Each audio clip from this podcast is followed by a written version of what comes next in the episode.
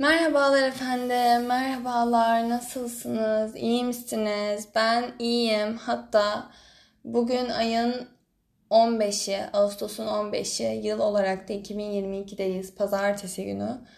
Bugün çok iyiyim, çünkü üniversite sonuçları açıklandı ve istediğim yani hani hedeflediğim güzel bir yere gittim. Bunun için mutluyum. Zaten Türkiye'deki üniversiteler benim için çok önemli olmadığı için bu benim günümde çok değişik bir heyecan yaratmadı. Ama yine de mutluyum yani. Kendimi az çok tatmin edebildiğim bir sonuçtu. Ve ben kendimi tatmin edebilmeyi ne yazık ki çok seven biri olduğum için yani buna gerçekten obsessed olduğum için mutlu bir gün başlangıcıydı benim için. Ee, bunun dışında da bu hani tamam zaten Türkiye'deki üniversite benim için Lagaruga'ydı yani çok öyle dediğim gibi önemli değildi burada kalmayı düşünmediğimden dolayı. Ama havanın güzelliği halis mi? Yani halis mi ya da halis? Şapkalı olmadığı için üstte sanırım halis diye okunur diye düşünüyorum. Bakarım. İşte siz de olmasanız dostlarım ben nasıl öğrenecektim bu Türkçeyi? Şu anda da bu arada birkaç günlük Bulgaristan tripten geliyorum. Benim Bulgaristan göçmeni. Bulgar ya göçmen ağzı hiç duydunuz mu bilmiyorum. Hayatınızda hiç tanıklık ettiniz bu müthiş ağza. Çok hoşuma gidiyor benim göçmen ağzı. Ve küçükken de bir orada bir burada falan büyüdüğüm için yazın şuraya gideyim, ay kışın şuraya gönderelim, birazcık burada kalsın falan filan olduğu için baba tarafım zaten Çanakkale, onlar da göçmen de onların göçmenlikleri daha eski. Daha ne diyeyim yozlaşmış mı diyeyim yani daha hani artık unutmuşlar kendi kültürlerini diye çok yaşlılar da var yani. Unexpected bir şekilde soy ağacımdan bahsetmem. Neyse arada bir ağzım kayabilir o kısma. Şu anda gerçekten düzgün bir normal İstanbul'da insanların konuştuğu Türkçe ile konuşmak benim için aşırı zor bir şey. Ee, ama çabalıyorum. Her şey sizin için ve bugünkü pozitif enerjim için. Yani go girl diyorum şu anda kendime. Ama arada bir eğer ağzım kayarsa o tarafa kusura bakmayın. Ben böyle biriyim. Arada bir göçmen ağzı ya da Çanakkale ağzı tutan biriyim. Kusura bakmayı vereceğiniz artık diyor ve devam ediyorum efendim. Evet şu an İstanbul Türkçesi'ne geri dönüş yapıyoruz. Bugün hava kapalıydı ve ben kapalı havalara aşık bir insanım. Yatağımda yatıyordum, uyuyordum ve o yağmur sesini duyuyor olmak beni çok motive ediyor. Çok yatakta heyecanlanıyorum yani gerçekten yağmur yağdığı için. Rüzgar estiği için bir de arkasından öyle gök gürültüsü sesi geldi. Var ya tamam yani bugün müthiş bir gün olacak benim için. Belli oldu. Çok mutlu oluyorum yani hava böyle olduğunda. Aşırı enerjim yerine geliyor. Bundan dolayı enerjim yüksekken aslında işte hesapta yokken böyle bir bölüm kaydetmek istedim. Genelde evdeyim. Evde günlerin nasıl geçiyor diye sormadınız ama sorduğunuzu varsayarsak da deliler gibi Modern Family ve Emma Chamberlain izliyorum. Dünyanın yine en ender zevklerine sahip bir insan olduğum için çok bildiğinizi çok bilinmeyen bir YouTube kanalı ve bilinmeyen bir dizi önereceğim şu anda size. Modern Family ben dünyaya böyle düşmüş böyle indiği anda bütün sitcomları izlemeye ant biri olduğum için her sitcom hakkında en azından bir fikrim vardır. Ya bitirmişimdir ya da belli bir kısmını izlemişimdir sonra bir şeyler olmuştur sarmamıştır ya da ne bileyim eski küçükken daha fazla dizi izliyordum ben. Ne bileyim dizi mega bir şey olmuştur. Dizi pop'ta anlamamışımdır nerede olduğumu falan filan. Öyle kalmıştır ama genelde çoğu sitcom hakkında bir fikrim vardır. Modern Family'yi hiç izlemedim. Biliyorum böyle bir dizi var. Görüyorum ama hiçbir şekilde izlemedim. Yani o kadar komik olmadığını düşünüyordum herhalde. Şu an 7. sezondayım ve I'm obsessed. Yani çok güzel, çok komik ve sıkılmadım 7. sezona kadar. En sevdiğim karakter Lily bu arada. Yani kız ben bence dizideki. O kız ben. Aşırı seviyorum. Ee, her neyse Emma Chamberlain de bana bir arkadaşım yıllarca sana çok benziyor, sana çok benziyor, sana çok benziyor diye başımın etini yedi ve ben de izlemedim. Sonra bir anda izlemeye başladım ve benim sevdiğim YouTube kanallarını bitirme, böyle dizi gibi bitirme huyum vardır. Şu anda Emma Chamberlain izliyorum. Onu da yaraladım. Onu da, onu da bitireceğiz yakında. Bir de çok sinefil biri olduğum için Disney'deki tüm çizgi eskiden izlediğim çizgi filmleri falan izliyorum. Bir de şu an yine bir Ölü Gelin eram geldiği için Ölü Gelin'i izliyorum. Çok ya Ölü Gelin'i bilmiyorum. Ölü Gelin'i Bakırköy'deki korsan CD'cimizden aldığım an aklımda yani nasıl aldım, nasıl baktım oraya falan. Kusura bakmayın durumumuz yoktu. Emeğe, emekçiye saygım sonsuz ama fakirdik. Ve ben bilmiyordum bir de küçükken. O yüzden ben muaf sayılırım bence. Ve korsan alıyorduk yani CD'lerimi. Korsan CD koleksiyonum var şu anda evde. Bunu söylemem ne kadar legal bilmiyorum ama ben böyle biriyim ne yazık ki. Böyle biriydim. Şu anda bir şey yapmıyorum. Her neyse. Bir de bunun dışında kitap okuyorum.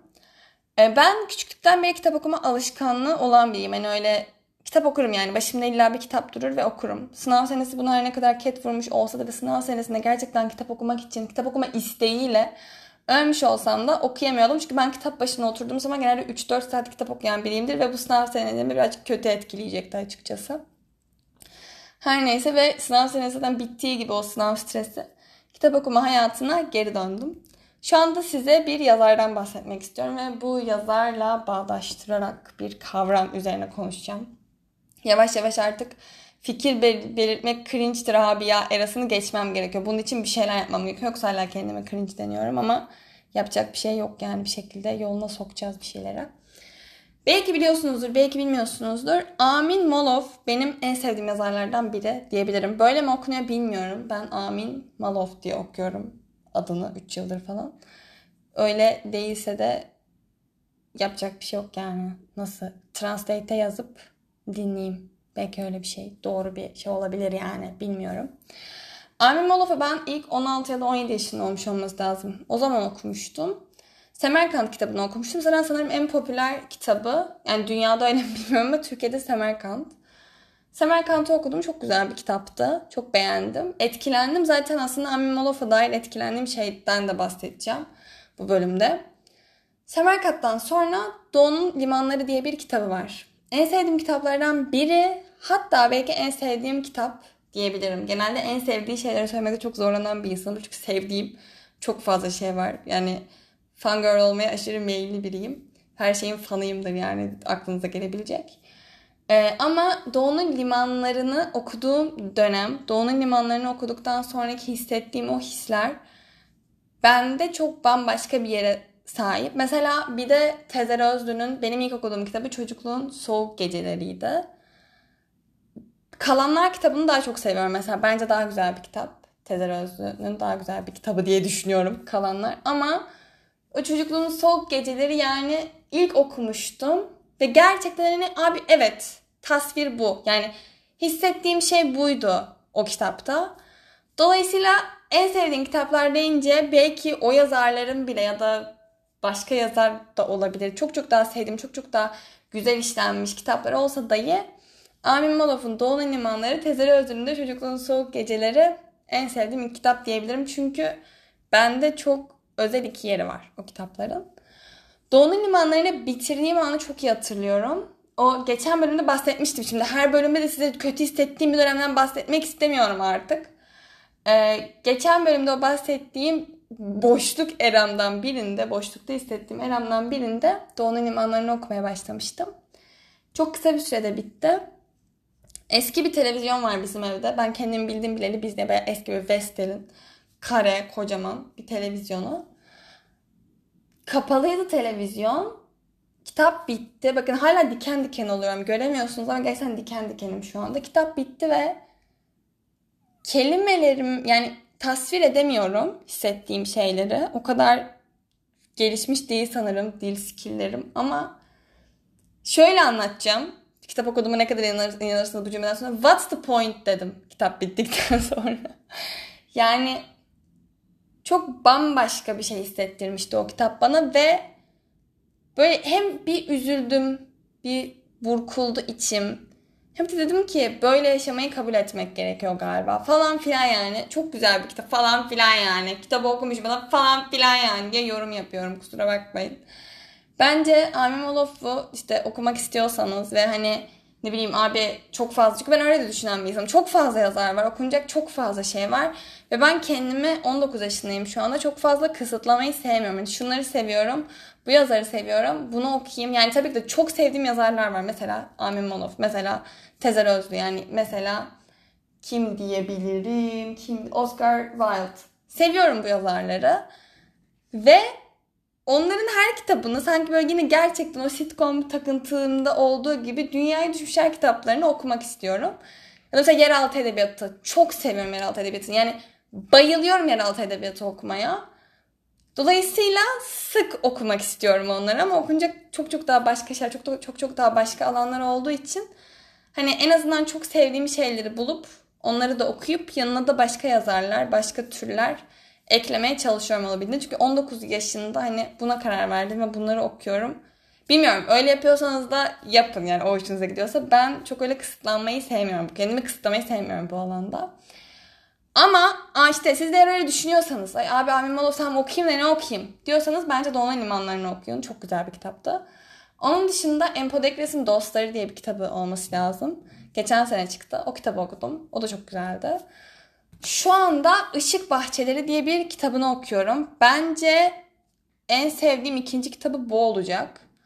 Ee, hala okumaya devam ediyorum. Nasıl bitecek bilmiyorum ama güzel biter yani muhtemelen. Tatmin edici biter. Tatmin edici derken hani illa happy ending değil. Bir şeyleri tamamlamış bitiyor kitapları. O olay çok güzel işte. Gerçekten kitabı okuyorsunuz ve bir şeyler içinizde tamamlanmış hissediyorsunuz bence bu adamın kitaplarında. Ve bence yine öyle bitecek. Bir de onun dışında iki tane daha kitabı var. Bunlar oyun kitabı, tiyatro oyunu kitabı. Okumayı seviyor musunuz bilmiyorum. Ben tiyatro oyunu okumayı çok seviyorum. Eğer istiyorsanız, denemek falan istiyorsanız da Adriana Mater, Mater diye yazılıyor. Adriana Mater diye yazılan. Adriana Mater diye mi okunduğunu bilmediğim bir tiyatro oyunu var. Onun dışında da Uzaktan Aşk diye bir tiyatro oyunu kitabı daha var. Bunları eğer oyun, yani tiyatro oyunu okumak istiyorsanız tavsiye ederim ama çok fazla insana hitap etmediği için bir şey demiyorum. Ama bence Doğu Limanları'nı mutlaka okuyun yani listenize ekleyin derim.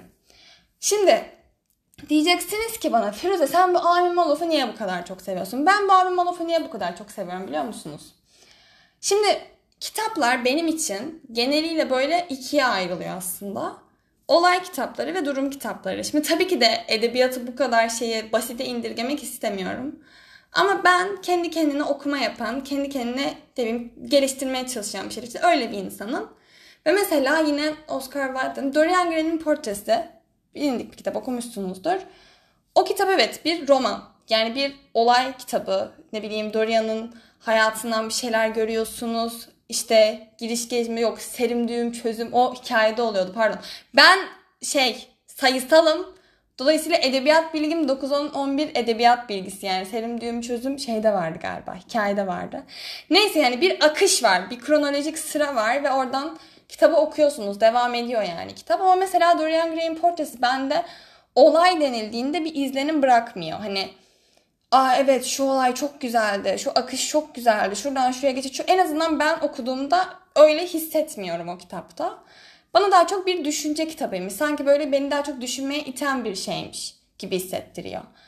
Ne bileyim ya da Tezer Özlü'nün yazıları düşünce yazısı yani. Deneme mi artık? Ne yapıyor o kadın? Büyü yapıyor. Bence farklı bir şeyi var. Olayı var yazılarının.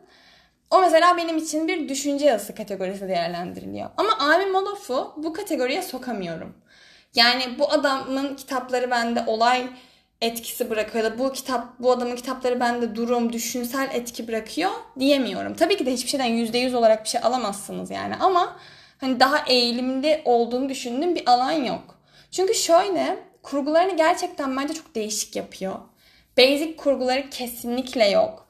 Çok farklı dünyalar yaratıyor. Çok farklı karakterler yaratıyor. Çok farklı karakterleri birleştiriyor. Ve siz hayata dair çok daha başka şeyler keşfediyorken kitaplarında yani what's the point man dediğiniz o kısma geliyorken hikayenin sonuna da gelmiş oluyorsunuz ve gerçekten hem olay sizde bir iz bırakmış oluyor hem o durum sizde bir iz bırakmış oluyor. Dolayısıyla bu adamın hem bir şeyleri kurgulayış şeklini ve kurgulayış şekliyle beraber o yazış stilinden dolayı size eklenen o düşüncel, düşünsel pardon, düşünsel tatmini çok iyi verebiliyor. Dolayısıyla kesinlikle okumanızı önerdiğim bir alan. Yani şu an ne okuyorsanız bilmiyorum onu bitirin ve sonrasında Amin Molof okuyun bence. Çünkü çok güzel yazıyor. Bir de bunu bir de yani ne düşüneceksiniz çok merak ediyorum. Tabii ki de bu konuda etkileşime giremeyeceğiz sizinle ama ne bileyim ya okuyun. Benden size bir tavsiye. Çok fazla şey tavsiye etmedim burada size. Lütfen okuyun abi şu adamı. Kitapları o kadar da uzun değil. Aa, neyse. Bir de bunun dışında çok sevdiğim başka bir yönü de ben bu zamana kadar daha batıya yönelik eserler okudum. Şimdi ne diyor? Şimdi benim bakın kelime haznem bu konuda dar. Sadece şu anda basic kendini geliştirmeye çalışan sokaktaki bir vatandaşım tamam mı ben şu anda? O, o dille konuşacağım sizinle çünkü ben o dili biliyorum. Batı'ya yönelikti derken ya yabancı yazarlar okuyordum. Hani yabancı yazarlar okudum. Yani hanisi yok. Yabancı yazarlar olduğum için o kültürü daha çok görüyordum. O oraya dair izlenimim daha fazlaydı. Yani oranın nasıl bir yer olduğu, tarihi olayların nasıl olduğu izlenimi bende daha rahat oturuyor. Aynı zamanda bende bir dönem hiç tarih öğrenme isteği olmamasına rağmen Rönesans sanatı dönemine dair çok büyük bir ilgim oluşmaya başladı. Ve ona yönelik araştırmalar, kitaplar vesaire vesaire okuduğum için o batı dünyasını daha normal bir perspektifle görebildiğimi düşünüyorum. Türkiye Türkçe, ya yani Türk Türkçe yazar. Aynen Firuze. O kadar kitap oku ama Türkçe yazardı. Harikasın güzelim. Türk yazarlarda da genelde hep böyle ne bileyim birazcık bence eğitim sisteminin de sorunu. Kitapları böyle çok direterek okutturdukları için bize hani şunu okuyun diye belli başlı yazarlara, belli başlı kitaplara bir önyargısı oluşuyor öğrencinin. Mesela Huzur kitabını okudunuz mu bilmiyorum. Bizim okulda okutulan ise sınavı yapılacak olan bir kitapta. Kitap bence çok güzel bir kitap. Yani an, yazarın gerçekten anlatış şekli falan güzel bir şey demiyorum. Ama insanların çoğu kitabı ya bıkarak okudu ya da istemeyerek okudu. Hani biraz ondan kaynaklı olarak bence bir ön yargısı oluşuyor insanların. Bahsettiğim Türk yazarları ama çok güzel bir kitaptı. Huzur huzuru da öneririm yani okumadıysanız. Her neyse daha modernizm ve postmodernizm dönemlerinde yazılan kitapları okuduğum için yine batı yönüne kayan bir hmm, kitapla karşılaşıyordum ben her sefer. Yani çok yabancı olduğum bir ortam değildi. Çok alışık olmadığım bir şey değildi. Sadece gerçekten farklı bir kültürdü. Ne olursa olsun farklı bir kültürdü. Ama bana yine hani o aynı resmi sanki farklı pencereden bakıyormuşum ama aslında göstermek istediği şey aynıymış. Sadece bakış açısı farklı aslında. Gördüğünüz renkler, gördüğünüz desenler farklı belki ama hepsi aynı şeyi anlatmaya çalışıyormuş gibi geliyordu. Türk bir yazar okuduğumda da. Yani batıdan çok yabancılaşmıyordum. Artık buna yanlış batılılaşma mı dersiniz, batı özentiliyim, ay yeni nesil mi, Z kuşağı mı ders orasını bilmiyorum. Sadece böyleydim. Ve doğu kültürünün daha mistik olan havası benim çok hoşuma gidiyor. Ama işte kendi böyle artık annem, babam hani biraz ne bileyim soyum da batı kültürüyle daha bağlantılı olduğu için benim doğu kültürüne dair hiçbir bilgim yok. Yani benim için hani ne bileyim Türkiye'nin belli bir kısmından sonrasında bilmiyorum. Nasıl bir kültür var bilmiyorum. Ne var ne yok bilmiyorum. Çünkü yabancıyım oraya. Çünkü oradan kimseyle çok fazla etkileşim halinde bulunamadım. Şimdi oha sen de ne yaptın? Kap, kutuda mı yaşadın diyeceksiniz. Onu demiyorum ama sonuçta bir insanla tamam tanışıyorsunuz, görüşüyorsunuz işte farklı bir soydan belki sizinle çok farklı ıı, bir ne bileyim dedeye, neneye sahip. Orasını bilemeyeceğim. Ama sonuç olarak yine konuştuğunuz şeyler hani çok fazla kendi toplumlarınız, oyunuz bunun üzerine olmuyor. Tam bir farklılık oluyor, bir şeyler öğreniyorum. Güzel de hissettiriyor bana böyle farklı insanların farklı olması vesaire vesaire. Ama yine de buna rağmen yabancı olduğum bir kültür, görmediğim bir kültür, bilmediğim bir kültür. Çünkü ailemde dediğim gibi görmedim ben bunu. Ve Amin Maluf da bu doğunun mistik yönünü biraz olsun bile görebiliyor olmak bana çok iyi hissettiriyor. Çünkü doğunun o bilinmeyen yönlerini mi diyeyim görmeyi seviyorum. Şimdi bilinmeyen yön derken adam tabii ki de burada size çıkıp da işte Doğu şöyle şöyle bir yerde, İran böyle bir yerde, Irak böyle bir yerde, Filistin böyle bir yerde demiyor. Hani bunu demeye çalışmıyorum. Sadece o bence işte dili çok iyi kullandığı için o yöreye dair bir şeyleri istemeseniz de alıyorsunuz. Niye istemeyesiniz ama istemeden alıyorsunuz. Başka bir şeye odaklansanız dahi ortama dair işte ne bileyim o bulundukları odaya dair mahalleye dair çok böyle sanki kilit bilgiler veriyormuş. Çok kilit noktaları anlatıyormuş gibi geliyor bana. Ve her şey daha rahat gözümde canlanıyor. Yani orasına dair sanki bir anda gerçekten kendimi oradaymışım gibi hissettiriyor adam bana. Bundan dolayı da çok seviyorum. Hani ve bu işte şu anda okuduğum kitabından sonra da gerçi okuyacak bir sürü kitabım var. Başka kitaplar da aldım.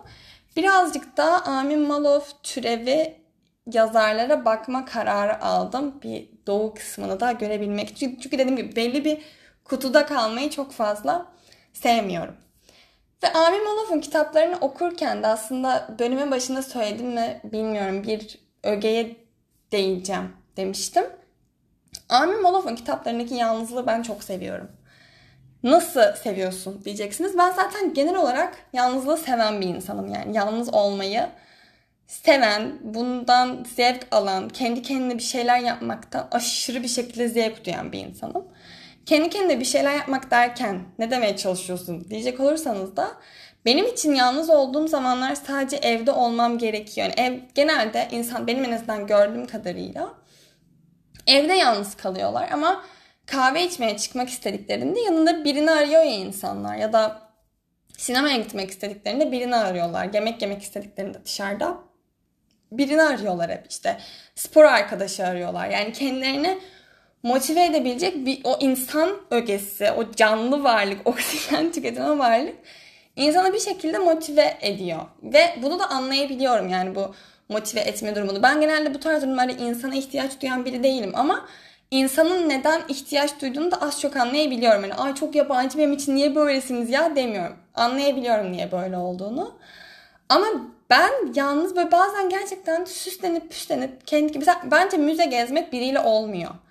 Galeri gezmek, bir sanat galerisi biriyle olmuyor. Bunlara tek başınıza gitmeniz lazım. Olmuyor abi imkansız. Ben biriyle bu zaman kaç, kaç üç tane insanla falan müzeye gittim. İşte sanat galerisi tarzında yerlere gittim ve kendim gitse çok güzel vakit geçirdim. İnsanlarla alakalı bir sorun da değil bu ama tek başıma gitmek, orada tek başıma durmak, istediğim odada istediğim kadar vakit geçirmek bana daha güzel geliyor. Böyle ne bileyim süsleneyim, bildiğin duşumu alayım, hazırlanayım, çıkayım. Dışarıda bir kahvaltı edeyim, bir tost yiyeyim. Sonra gideyim bir ka- şey kahve içeyim. Biraz yürüyeyim, ortamı göreyim, fotoğraf çekeyim, müzeye gideyim falan. Çok hoşuma gidiyor. Ve Armin Moloff'un bu kitaplarındaki karakterlerin de yalnızlığı bana çok dep nasıl diyeyim çok hüzünlü gelmiyor. Çünkü genelde en azından benim okuduğum eserlerde yalnız olan herkes mutsuz ya da yalnız olan herkes belli bir sürenin sonunda bir çıkmaza giriyor. Bir ne bileyim üzücü bir ruh haline giriyor. Bir, ne yaşıyor bilmiyorum ama sanki yalnız olan herkes belli bir noktada benim okuduğum kitaplarda hep ya kafayı yiyor ya kafayı yeme raddesine geliyor gibi bir şey olduğu için yalnızlığın insanlar üzerinde oluşturduğu etki çok olumsuz bir şeymiş gibi. Yani sanki yalnız kalıyorsanız olumsuz şeyler yaşamak ya da hep olumsuz şeyler yaşadığınızda yalnız olmak. Mesela benim çok yaşadığım bir his ve biraz bu işte okuduğum kitapların, izlediğim şeylerin, dinlediğim müziklerin özellikle çok fazla etkisi olduğunu düşünüyorum. İnsanda gerçekten şey algısı var. Mutluysam insanlarla olayım. İşte mutluysam dışarı çıkayım. Bir şey yapmak istiyorsam, dışarı çıkmak istiyorsam biriyle olayım. Abi yanımda en azından sevdiğim ya da çok haz etmediğim bir insan olsun. Ama üzgünsem evde kalayım. Evde vakit geçireyim. Hani sanki dışarı çıkmak insanı daha olumlu bir ruh haline sokuyormuş gibi. İnsanlarla olmak insanı daha olumlu bir ruh haline sokuyormuş gibi. Bu böyle de olabilir. Bazen gerçekten oturup çok yakın bir arkadaşımla konuştuğumda ne bileyim dört gün boyunca hiç evden çıkmamışım mesela. Oturmuşum oturmuşum. Eğlen, ne bileyim güzel aktiviteler yapmışım kendimce. Sıkılmamışım ama bir arkadaşımla buluşmak, 3-4 saat onunla chit chat yapmak, bir şeyler üzerine konuşmak ta bazen iyi hissettirebiliyor. Onu demeye çalışmıyorum ama hayatta bir şeylerin işte dediğim gibi hep bu kadar işte şunu yapıyorsan böylesindir. Dışarı çıkarsan mutlu olursun. Evde takılıyorsan muhtemelen üzgünsündür ve yalnız zaman yani üzgün zamanlarında yalnızsındır da. Sanki bu böyle bir şey gibi nasıl diyeyim? Ee, harit, harita gibi şeyler oluyor. Mesela bunu yaptın mı? Evet o zaman şurasıdasın. Hayır o zaman şuraya git falan gibi böyle bir diyagram gibi şeyler oluyor ya. Sanki hayatta da böyle bir şey var ve size sürekli şey diyor. Mutlu musun? Evet. O zaman dışarı çık. Arkadaşlarınla eğlen. Kahve mi içmek istiyorsun? Birine yaz. Üzgün müsün? Evde kal. Yorganın altından çıkma. Nutella ye. Bu döngü insanların kafasında oluşan bu şey beni çok rahatsız ediyor. Çünkü dediğim gibi ben çoğu bölümde söylüyorum yani eğer dinliyorsanız belki bıkmışsınızdır bu sözümden ama hayatın bu kadar siyah ve beyaz olduğunu düşünmüyorum. İnsanların da bu kadar siyah beyaz olduklarını düşünmüyorum. Yani bir insan sadece şundan hoşlanır ve şundan hoşlanıyorsa şunu direkt siler. Bu direkt yok olur. Gibi bir şey olduğunu düşünmüyorum açıkçası. Ve Armin Moloff'un işte bu karakterlerindeki grilik, bu yalnızlıkla, yalnızlığı bir başa çıkma yöntemi değil de yalnızlığın uğraşılacak bir şey değil de yalnızlıktan gerçekten zevk alan ve bazen insanlarla da olmayı seven o karakterlerinden aşırı etkileniyorum. Ve bence beni aslında birazcık da kendisine bağlayan, karakterlerine bağlayan, kitaplarına bağlayan unsur bu. Hani tamam işte çok farklı bir dili var, çok farklı bir üstü bana çok farklı hissettiriyor en azından. Ama o karakter işleyişi kısmını da çok seviyorum. Bunu her kitabında farklı karakterleri anlatsa da çok güzel bir şekilde yapabiliyor bence. Bunun dışında yalnızlığa dair söylemek istediğim birkaç tane daha bir şey, bir kuple daha sözüm var. Bir tane arkadaşımla zamanında konuşuyorduk. Şu anda kendisiyle çok fazla, şu an çok fazla kendisiyle görüşmüyorum. Konuşuyorduk ve yine böyle yalnızlık üzerine konuşuyoruz falan filan. Mesela bence bu arkadaşım gerçekten bence %70 olarak insanlarla olmaktan daha fazla zevk alan biriydi. Dolayısıyla çok farklı iki bakış açısı, açısıydık. Ben %30 insanlarla birlikte olmayı seviyorken o %70 insanlarla birlikte olmayı seviyordu. Ve bu aslında bakımda çok büyük bir oran. Çünkü biz hayatımızı böyle devam ettiriyoruz. Biz hayatımızda bu, bu şekilde mutlu ya da mutsuz oluyoruz.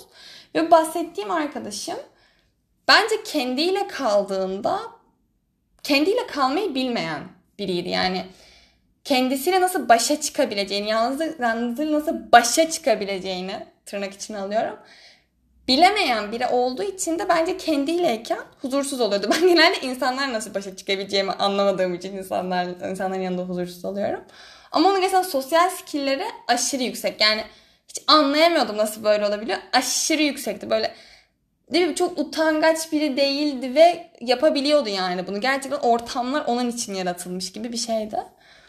Onunla konuşuyorduk ve işte yalnızlık üzerine konuşurken bana şey dedi. Hayır dedi mesela sen şu anda bunu söylüyorsun. Sen şu anda yalnız olmak istediğini söylüyorsun dedi. Ama dedi evlilik, çoluk çocuk hani bu kültür sadece yine Türklerle değil insanın varlığının başlangıcından beri hatta insan değil belki canlının varlığının başlangıcından beri olan bir şey dedi. Yani hiç kimse 70-80 yaşında işte evde tek yaşayıp konuşacak hiç kimsesinin olmamasını istemez dedi bana. Yani dolayısıyla bir hayat arkadaşı bu kim olursa olsun işte aşık olduğunuz biri de olabilir. İyi ya biz bununla vaktimizi geçiririz diye değerlendirdiğiniz biri de olabilir. Arkadaşınız da olabilir bunu bilmiyorum. Ama bir şekilde insanın birilerine, bir şeylere kendini anlatabilecek, konuşabilecek birilerine ihtiyacı vardır dedi. Ve yani abartıyorum falan sanacaksın ama o günden beri bunu gerçekten düşünüyorum. İnsanın bu zamana kadar kurduğu çoğu kültür aslında duygusal boşluk da tabii ki çok büyük bir şey kaplıyor. Yalnız olmak istememek ya da insanlar ne der? Abi işte evleneme de kız kurusu, çocuğu olmuyor mu? Vah vah vah vah şeyi zaten dönen bir şey. Bence bu duygusal da hani el alem ne der?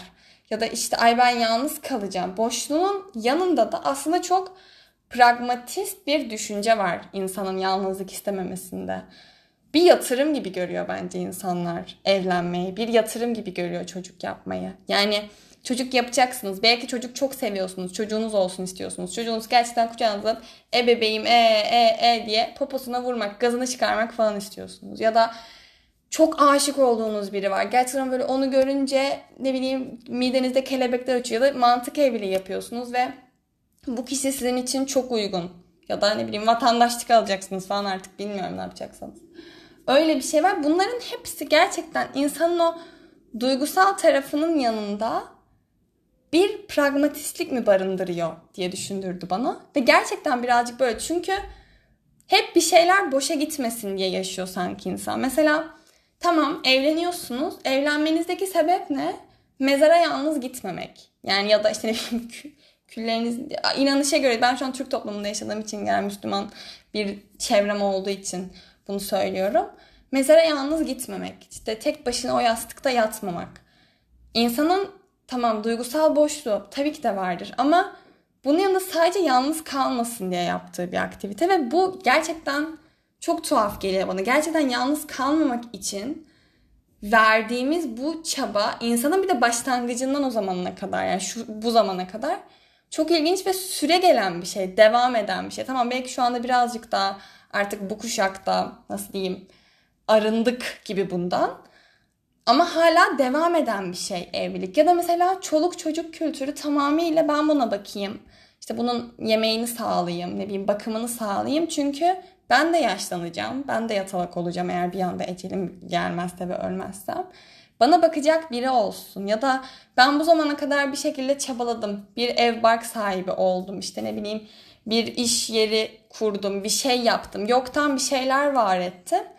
E bunu bırakacak bir insanım olsun. Miras kavramı. Yani bunu bırakacak biri olsun etrafımda. Birileri bunu büyütsün ki ben boşuna bunca sene yaşamış olmayayım. Boşuna eşimle bu tartışmalara girmiş olmayayım. Yani çok değişik. Ya ben insanın nasıl bir yönü olduğunu hala çok fazla kavrayabilmiş biri değilim. İnsan bence genel olarak en büyük tanımıyla aciz bir varlık. Çünkü ikisi de baktığımızda iki tane boyut var dedim bu yalnızlıkla alakalı. Biri daha duygusal işte hani yalnız kalmaktan korkma, yalnız kalınca ne yapacağını bilememe, yalnızlığı mutsuzluk sanma kısmı. Bir diğer kısımda daha pragmatik olan kısım. Bu yalnızlığı iki boyuta ayırdık ya. İkisinde de baktığımızda çok aciz noktalar var aslında.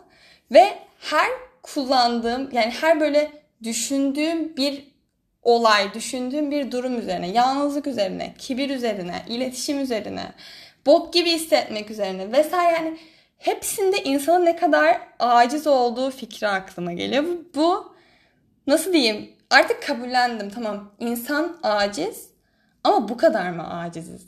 yani varlığımızın başından beri mi bu kadar acizdik diye düşünüyorum. Mesela o bahsettiğim arkadaşım işte bunu konuştuğumuz arkadaşım aynı zamanda şey demişti bana.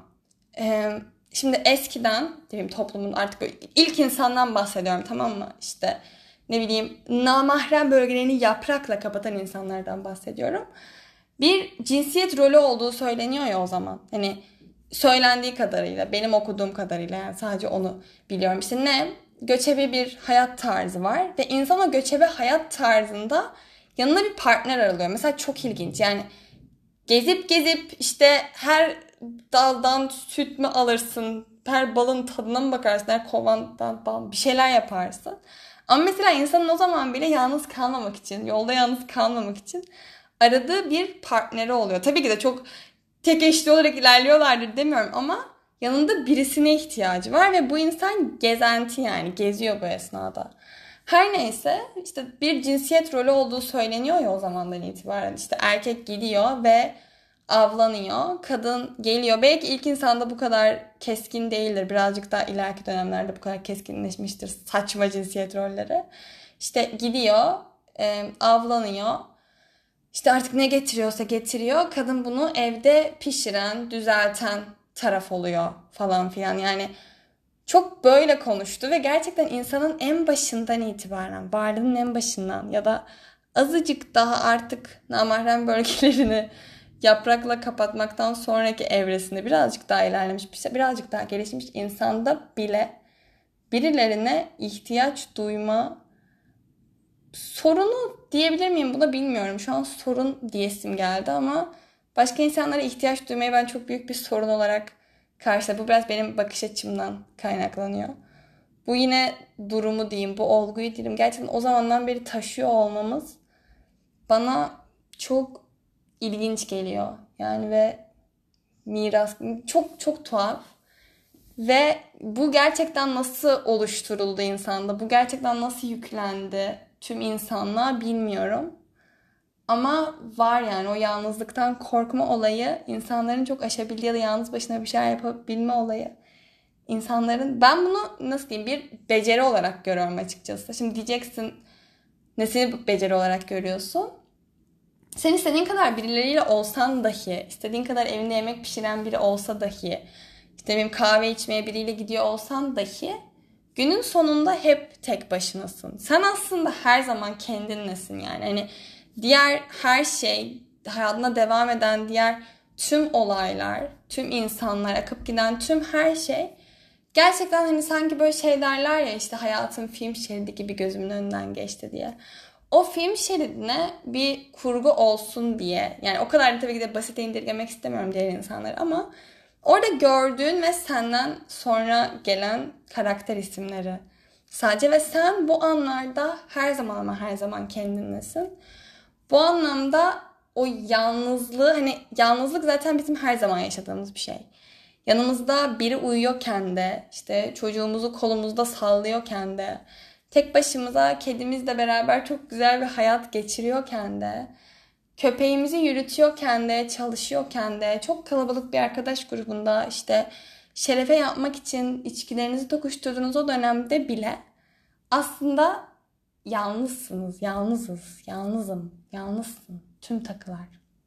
Ve bu üzücü bir durum değil. Bu aciz bir durum değil. İnsanın galiba bakış açısı aciz o zaman çoğu şeye. Çünkü yalnız olmak aciz bir şey değil. Bilmiyorum 70 yaşına kadar yaşar mıyım? Elden ayaktan kesilir miyim? O zamana kadar bana bakacak kimse olmaz mı? Bu kısmı bilmiyorum. Ama o da 70 yaşındaki Firuze'nin sorunu. Yapacak bir şey yok.